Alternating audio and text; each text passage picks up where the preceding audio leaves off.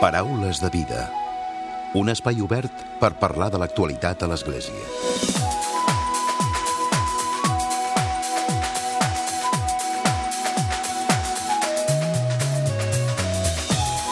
Salutacions i molt bon dia, molt bon diumenge. Avui parlarem de la trobada diocesana de seguiment del Pla Pastoral Sortim, que tindrà lloc avui mateix, avui diumenge, a les 6 de la tarda a la Sagrada Família. El cardenal Joan Josep Omella, arcabisbe de Barcelona, ha convocat a totes les persones que integren les diòcesis de Barcelona, que són 2,7 milions de persones ateses per gairebé 214 parròquies, i els ha convocat a la Basílica de la Sagrada Família. Enguany, el pla té per objectiu treballar la fraternitat per fomentar, diuen, la relació i la comunió entre persones, comunitats i grups dins de l'Església. En parlarem amb l'Anna Almuni. Ella és membre de la Comissió de Seguiment del Pla Pastoral Diocesà. Amb ella també parlarem de la Diada de la Pentecosta, la recepció de l'Esperit Sant, una jornada de l'apostolat seglar que enguany té per lema Tots som missió.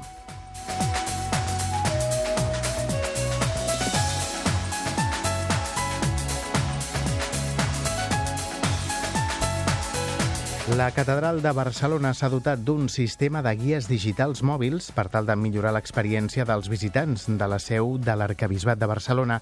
Aquest nou servei, amb un cost de 4 euros, només 4 euros, ofereix una innovadora conceptualització del recorregut visible gràcies a uns dispositius mòbils d'última generació que estan personalitzats i que barreja les explicacions de la història i també del dia a dia de l'edifici amb imatges de molta qualitat. La idea és possibilitar que els visitants visitants puguin entendre els diferents aspectes que configuren la Catedral Gòtica de Barcelona, bàsicament que entenguin que és una entitat viva i que descobreixin quines celebracions litúrgiques acull, quina relació té amb la història de l'arquitectura, de l'art i, i en general, però sobretot amb les persones. Una guia que es fixa molt en aspectes immaterials i de la relació amb la ciutat i els ciutadans, sense deixar de banda la gran qualitat i, en alguns casos, l'excepcionalitat del patrimoni que custodia.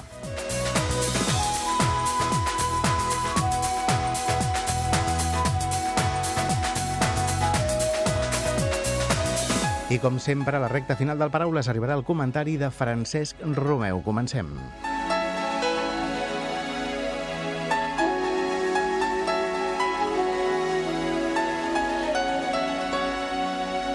Anna Almoni, bon dia i benvinguda al Paraules de Vida. Bon dia. Suposo que ja està tot preparat per la trobada que feu aquest diumenge, avui diumenge, a partir de les 6 de la tarda? A partir de les 6 de la tarda. Uh -huh. Comença, s'inicia a les 6 de la tarda, malgrat la l'obertura de la basílica serà a les 5 per poder-nos situar, que és molt gran la basílica i esperem mo molta gent. Uh -huh. És eh, una trobada, com explicàvem, eh, en aquest cas convocada per l'arcabisbe de Barcelona, Joan Josep Omella, una trobada que dona continuïtat a aquest pla pastoral diocesà Sortim. Exactament. És una trobada que vol estar en continuïtat amb tot el que anem fent des de... Recordem que l'any passat eh, el 22 d'abril vam tindre la, a Santa Maria del Mar una trobada semblant per posar en marxa el pla pastoral. I volem anualment anar mantenint aquesta flama d'anar construint la comunitat diocesana en un moment tan important com és aquesta engegada potent que volem d'aquest pla pastoral. Uh -huh. Un pla pastoral que, com expliques, ja fa un any que, que està en marxa. A grans trets, Anna, quin és el, quins són els objectius bàsics d'aquest pla pastoral? Els objectius bàsics del pla pastoral mm, estan en la mateixa línia. És, recordem tots que el pla pastoral l'hem titulat Sortim, o Salgamos, no? Estan en la línia, en, dintre del marc de les grans línies del papa Francesc, no? aquesta església en sortida, aquesta església en conversió pastoral, aquesta església que vol anar a les perifèries, està en aquesta línia. I per tant, aquest pla pastoral té com cinc, cinc eixos. No? El primer és Jesucrist, evidentment. Potser algú li, li sorprèn sempre, no?, de, la, un eix, Jesucrist, eh, un pla pastoral, pues si, no, si Jesucrist ja no està en el nostre... Pues sí, la primera línia és Jesucrist, eh, la segona és eh, el jo, eh, els pobres, la tercera línia seria els joves, la quarta la fraternitat i la cinquena el discerniment. Eh, el, durant tot el trajecte que duri el, aquest pla pastoral, l'element o l'eix que no, es, no canviarà, que sempre serà protagonista, serà el primer, l'encontre i l'anunci de Jesucrist. I aquest any primer del pla pastoral hem escollit el quart com primer eix que calia treballar, que és la fraternitat. Per tant, des de l'abril de l'any passat que el vam posar en marxa, hem tingut eh, aquest eix com a eix prioritari, la fraternitat. Uh -huh. I estem en, aquesta, en aquest moment. Eh? Volem, d'alguna manera, mm, bueno, viure la fraternitat, celebrar la fraternitat i també veure que hem fet coses, no? Eh, intercanviar aquelles, aquelles moments que ens han sigut vàlids a nivell de diòcesi. I aquesta és la voluntat d'aquesta trobada. Doncs parlem, Anna, si et sembla també ara, com comentaves, els diferents eixos. Eh, parlaves dels pobres, parlaves dels joves, de fet són col·lectius als quals el papa Francesc eh, s'hi està adreçant de manera molt directa, no? que els apela directament a participar Exactament. de l'Església.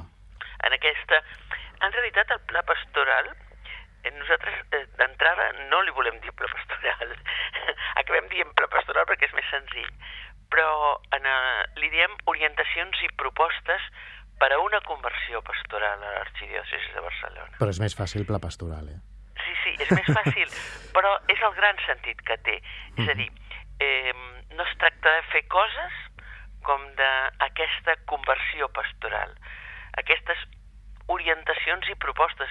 Té una voluntat una mica humil. Orientacions i propostes per eh, una conversió pastoral a l'arxidiòcesis.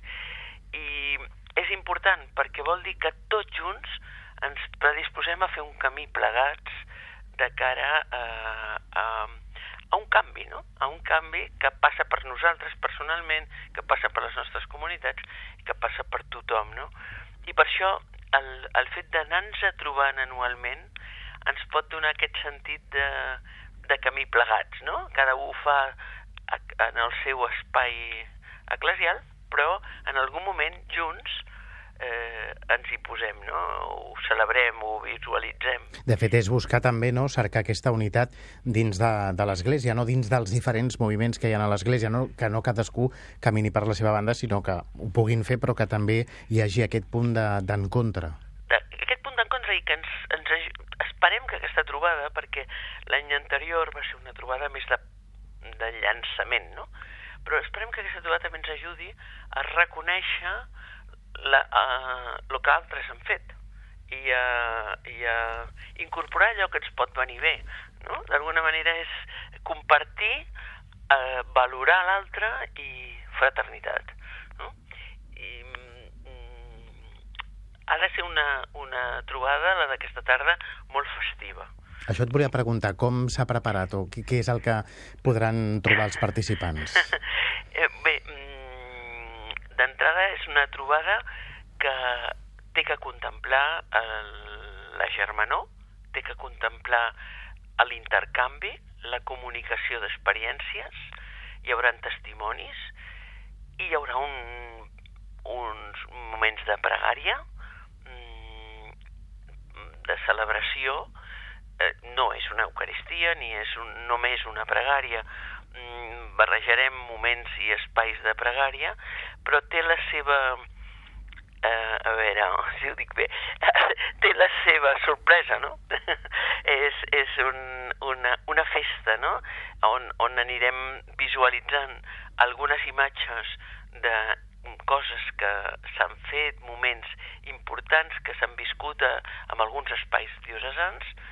Eh, també eh, sentirem, escoltarem algun testimoni mm, en aquest sentit i pregarem també, mm, hi haurà un moment que el senyor cardenal o, mm, Joan Josep Omella ens dirigirà unes paraules mm, una mica per, en, no sé, per animar-nos no? a continuar certament la fraternitat, eh, hem escollit la fraternitat durant aquest curs, eh, o durant aquest any. No vol dir que demà ja canviem de, d'ells, no. Podria ser que, que els cinc eixos que té el pla es despleguessin de manera anual, ara parlaves, no?, Sí. de que la fraternitat potser centra aquest eh, segon any, potser després hi hauran, es parlarà de Jesucrist, dels pobres, dels joves i dels discerniments. Jesucrist serà un eix que atravessarà tots els anys.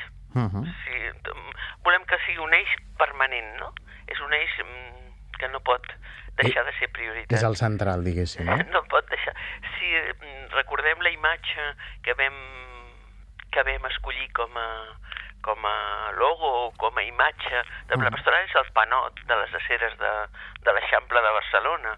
No? És aquell, aquella mena de flor que també altres han agafat inclús políticament, no? però és aquest panot. Aleshores, en el centre del panot hi ha una imatge de Jesucrist i les quatre mm, com flor, o dibuixos del, de, a l'entorn i en els altres quatre eixos. Aleshores, aquest any, que per nosaltres quan diem any és d'advent, advent, és any, any litúrgic, no? D'advent, advent, hem escollit la fraternitat. L'any vinent, mm, el nostre gran eh, eix serà el de joves. Eh, recordem que acabem de, de tancar dos, dos, dos grans sínodes de, sobre joves i tenim un material esplèndid de, uh, un, del papa i dels sínodes i per tant hem d'endinsar-nos en- cap aquí. A dir que el nostre pla pastoral està molt, molt eh, enllaçat amb la línia del papa Francesc. Uh -huh. Parlem també, ara ho dèiem a la, a la portada quan començàvem el programa, a la diòcesi de, de Barcelona, 2,7 milions de persones que són ateses o que participen també de la vida de més de 200 parròquies. Estem parlant de xifres que són prou importants, Anna.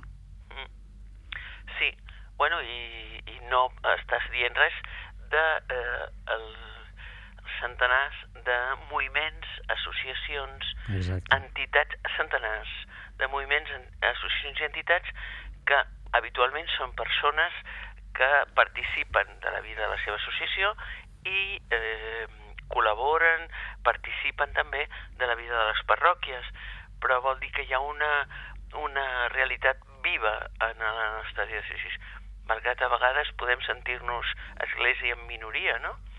Es, però mm, hi ha una realitat molt potent de, de col·lectius d'església que estan intentant avançar, no?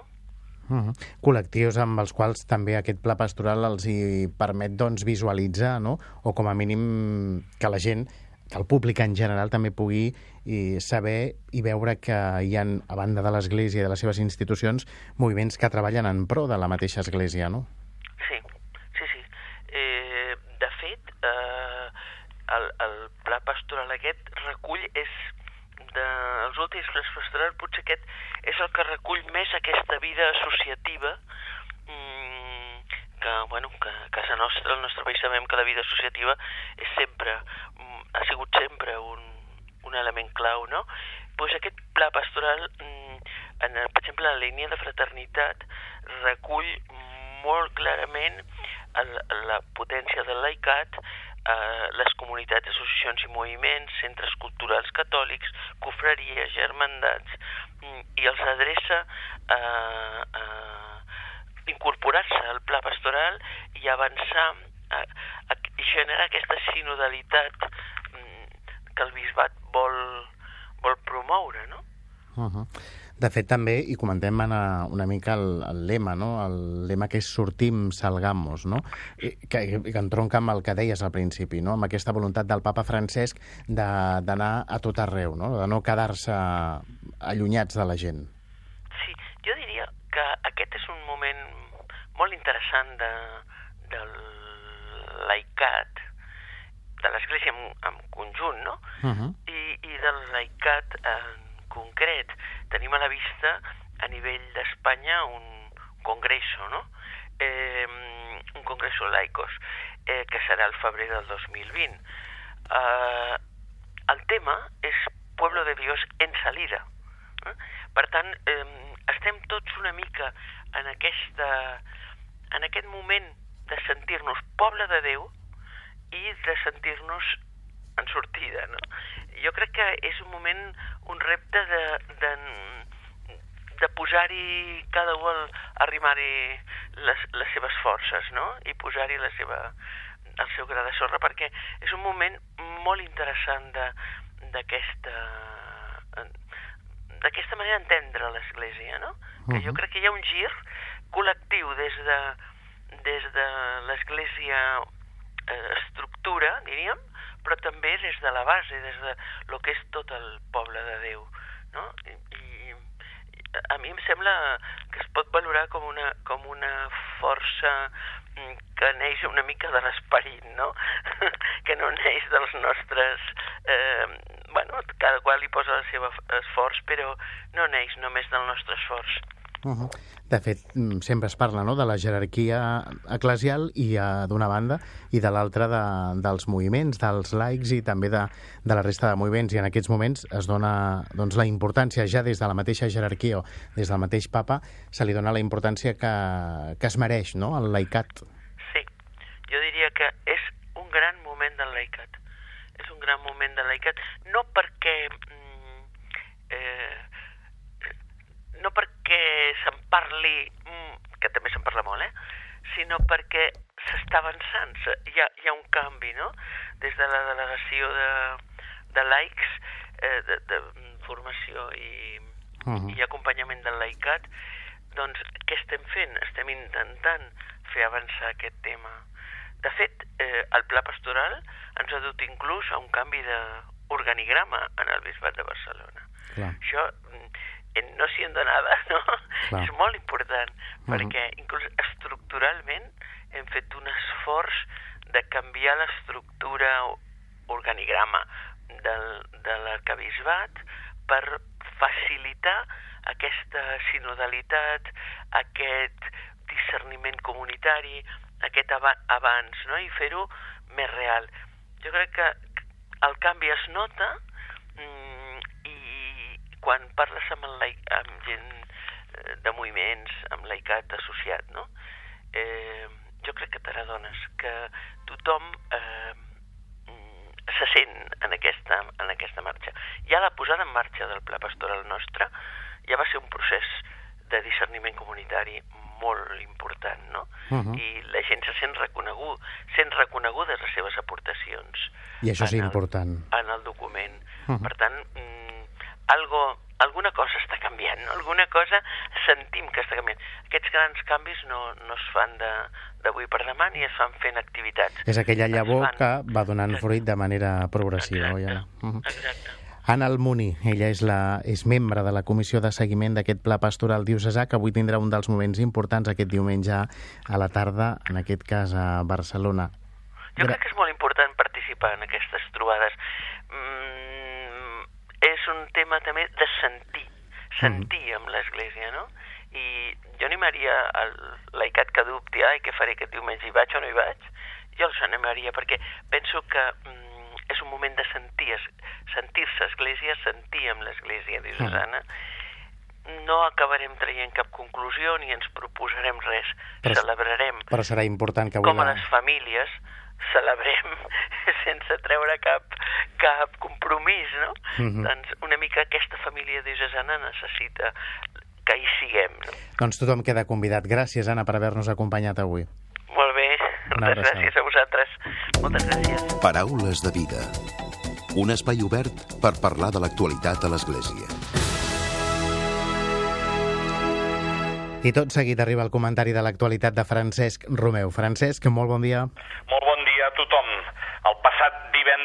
El passat divendres 24 de maig es va celebrar ja el quart aniversari de la signatura de l'encíclica del papa francès sobre l'ecologia, o com ell mateix diu, sobre la cura de la casa de tots, titulada Laudato Si, és a dir, lluat sigueu, si ho traduïm de l'italià antic que parlava Sant Francesc d'Assís, i que correspon a la seva pregària o càntic de les criatures. Aquesta encíclica el papa la va signar el mateix diumenge de Pentecosta, però la seva publicació definitiva no, no va ser fins dies després, a primers del mes de juny. Amb el temps crec que ha estat un gran encert del papa francès d'escollir aquest tema de l'ecologia per la seva encíclica, atès que és un tema que no es tanca en el propi discurs cristià, sinó que justament ens obre a poder parlar-ne amb tothom, sigui de la creença que sigui i de la tendència política que sigui.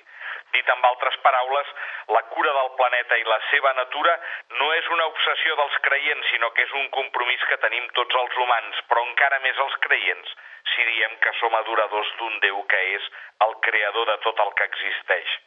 Amb aquest motiu, el prefecte del Dicasteri per al Servei del Desenvolupament Humà Integral, el cardenal africà de Ghana, Peter Kodo Apiat Turkson va dirigir un missatge a tota la comunitat científica on expressava la seva preocupació per l'actual crisi climàtica i citant el papa li atribueix a la, a la interferència humana en la natura. En referir-se a l'informe especial del 2018 sobre la lògica i la viabilitat del límit de l'1,5 graus centígrads per aconseguir aturar l'escalfament global i evitar que la casa comuna es converteixi en un hivernacle, el prefecte va glosar l'encíclica papal per afirmar els pobres paguen el preu més alt del canvi climàtic. Sí, perquè tant l'experiència comuna de la vida ordinària com la investigació científica demostren que els més greus efectes de totes les agressions ambientals els pateixen la gent més pobra. D'aquí que haguem de respondre amb valentia als crits cada vegada més angoixants de la terra i dels seus pobres. També va parlar d'un llindar religiós, ja que el món que estem destruint, escriu el cardenal Tarkson, és el do de Déu a la humanitat. Precisament aquesta casa santificada per l'esperit diví al principi de la creació és el lloc on ell va col·locar la seva tenda entre nosaltres. I citant el papa Benet XVI afegeix la Terra no és una realitat neutral, simple matèria que es pot utilitzar indiferentment segons l'instint humà sinó que és la creació de Déu, de manera que l'alarmant crida dels científics a actuar per cuidar la nostra casa comuna que s'està enfonsant també està recolzada per una crida molt poderosa provinent de les generacions joves. El futur està amenaçat alhora que recordava que a la Jornada Mundial de la Joventut a Panamà aquest any, els joves van llançar la generació Laudato Si, i van publicar un poderós manifest que desafia les comunitats religioses i la societat civil a una conversió ecològica radical en acció. Després de diverses consideracions, el cardenal africà no dubta afirmar la bondat d'unir-se als científics i als joves per sol·licitar a la nostra família humana, especialment aquells que estan en posicions de poder polític i econòmic, que prenguin ben aviat unes mesures dràstiques per canviar aquest rumb atès que, com escriu el papa Francesc en la seva encíclica, hem de pensar en un sol món, en un projecte comú, i els governs tenen el deure de respectar els compromisos que van assumir el 2015. Per acabar, recordar-vos que el proper dijous 6 de juny, a les 6 de la tarda, al Saló de Cent de l'Ajuntament de Barcelona, l'economista, professor de la Universitat Autònoma de Barcelona i expresident de Justícia i Pau, Arcadi Oliveres, rebrà la medalla d'or al mèrit cívic de l'Ajuntament de Barcelona per la seva llarga trajectòria a favor de la pau i el desarmament i a favor dels drets humans i la justícia social. També hem de recordar que dimarts passat, 28 de març a la tarda, a la parròquia del Patriarca Abram, el qui va ser el primer director general d'Afers Religiosos de la Generalitat de Catalunya, Ignasi García Clavel, va rebre la distinció del cinquè Premi en Convivència i Diàleg Interreligiós que li va atorgar i lliurar al grup de treball estable de les religions. Felicitats a tots ells per molt bon diumenge de l'ascensió a tothom.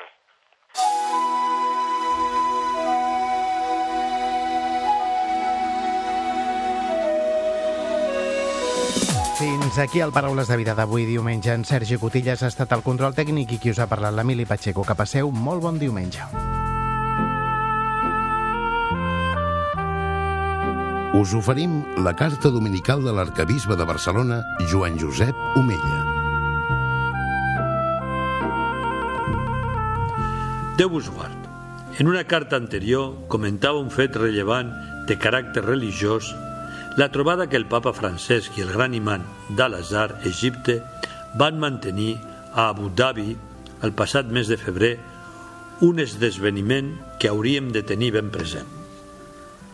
En finalitzar la trobada, el papa i el gran imant van firmar un document extraordinari amb el títol La fraternitat humana per la pau mundial i per la convivència comuna. En el prefaci s'hi explica el procés que els va conduir a un acord que no té precedents en la història. En aquest text se'ns mostra un camí per recórrer i pel qual se'ns convida a avançar. Aquest no és un camí pla, però el Senyor ens dona petites empentes i de vegades, afortunadament, notem que bufen vents d'esperança que ens refresquen i animen. En aquest sentit, a casa nostra hi ha dos fets que ens conviden a avançar per aquest camí.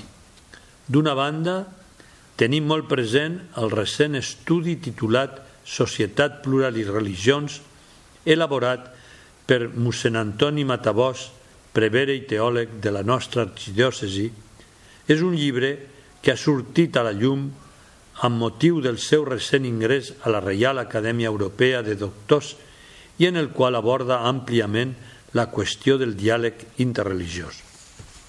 Com diu mossèn Matabós, el diàleg no pot ser veritable si no és un amor pràctic, si no és una pràctica de l'amor. Les relacions interpersonals són l'inici de tota relació fruitosa i han de continuar existint si es vol un diàleg sòlid i durador, un camí que facilita la relació i el diàleg entre les religions és trobar el que ens uneix per sobre de les diferències. Qui no coneix no pot estimar, diu Sant Agustí. D'altra banda, també volem que la fraternitat sigui el nostre fil conductor en totes les esferes. Com bé sabeu, aquest curs, el nostre pla pastoral, ens proposa sentir-la i testimoniar-la en tots els àmbits de la nostra vida. La fraternitat només la podem viure des de la trobada personal amb Jesucrist. Acabo aquesta carta amb una invitació a la lectura d'un llibre titulat La fraternidad de los cristianos. Aquesta obra recull les conferències pronunciades l'any 1958 a Viena pel llavors jove professor de teologia Joseph Ratzinger, actual papa emèrit Benet XVI. Aquest llibre, a proposta de mossèn Salvador Pieninot, el vam entregar a tots els preveres i diaques de la diòcesi en acabar la missa crisbal. En aquesta obra se'ns presenta el sentit més profund de la fraternitat cristiana. L'autèntica fraternitat entre els homes suposa la paternitat de Déu. Benvolguts germans, els que tenim Déu per pare no hauríem d'esforçar-nos més per reconèixer els altres com a germans? Els cristians estem cridats a estimar i a donar la vida per tots, cristians i no cristians.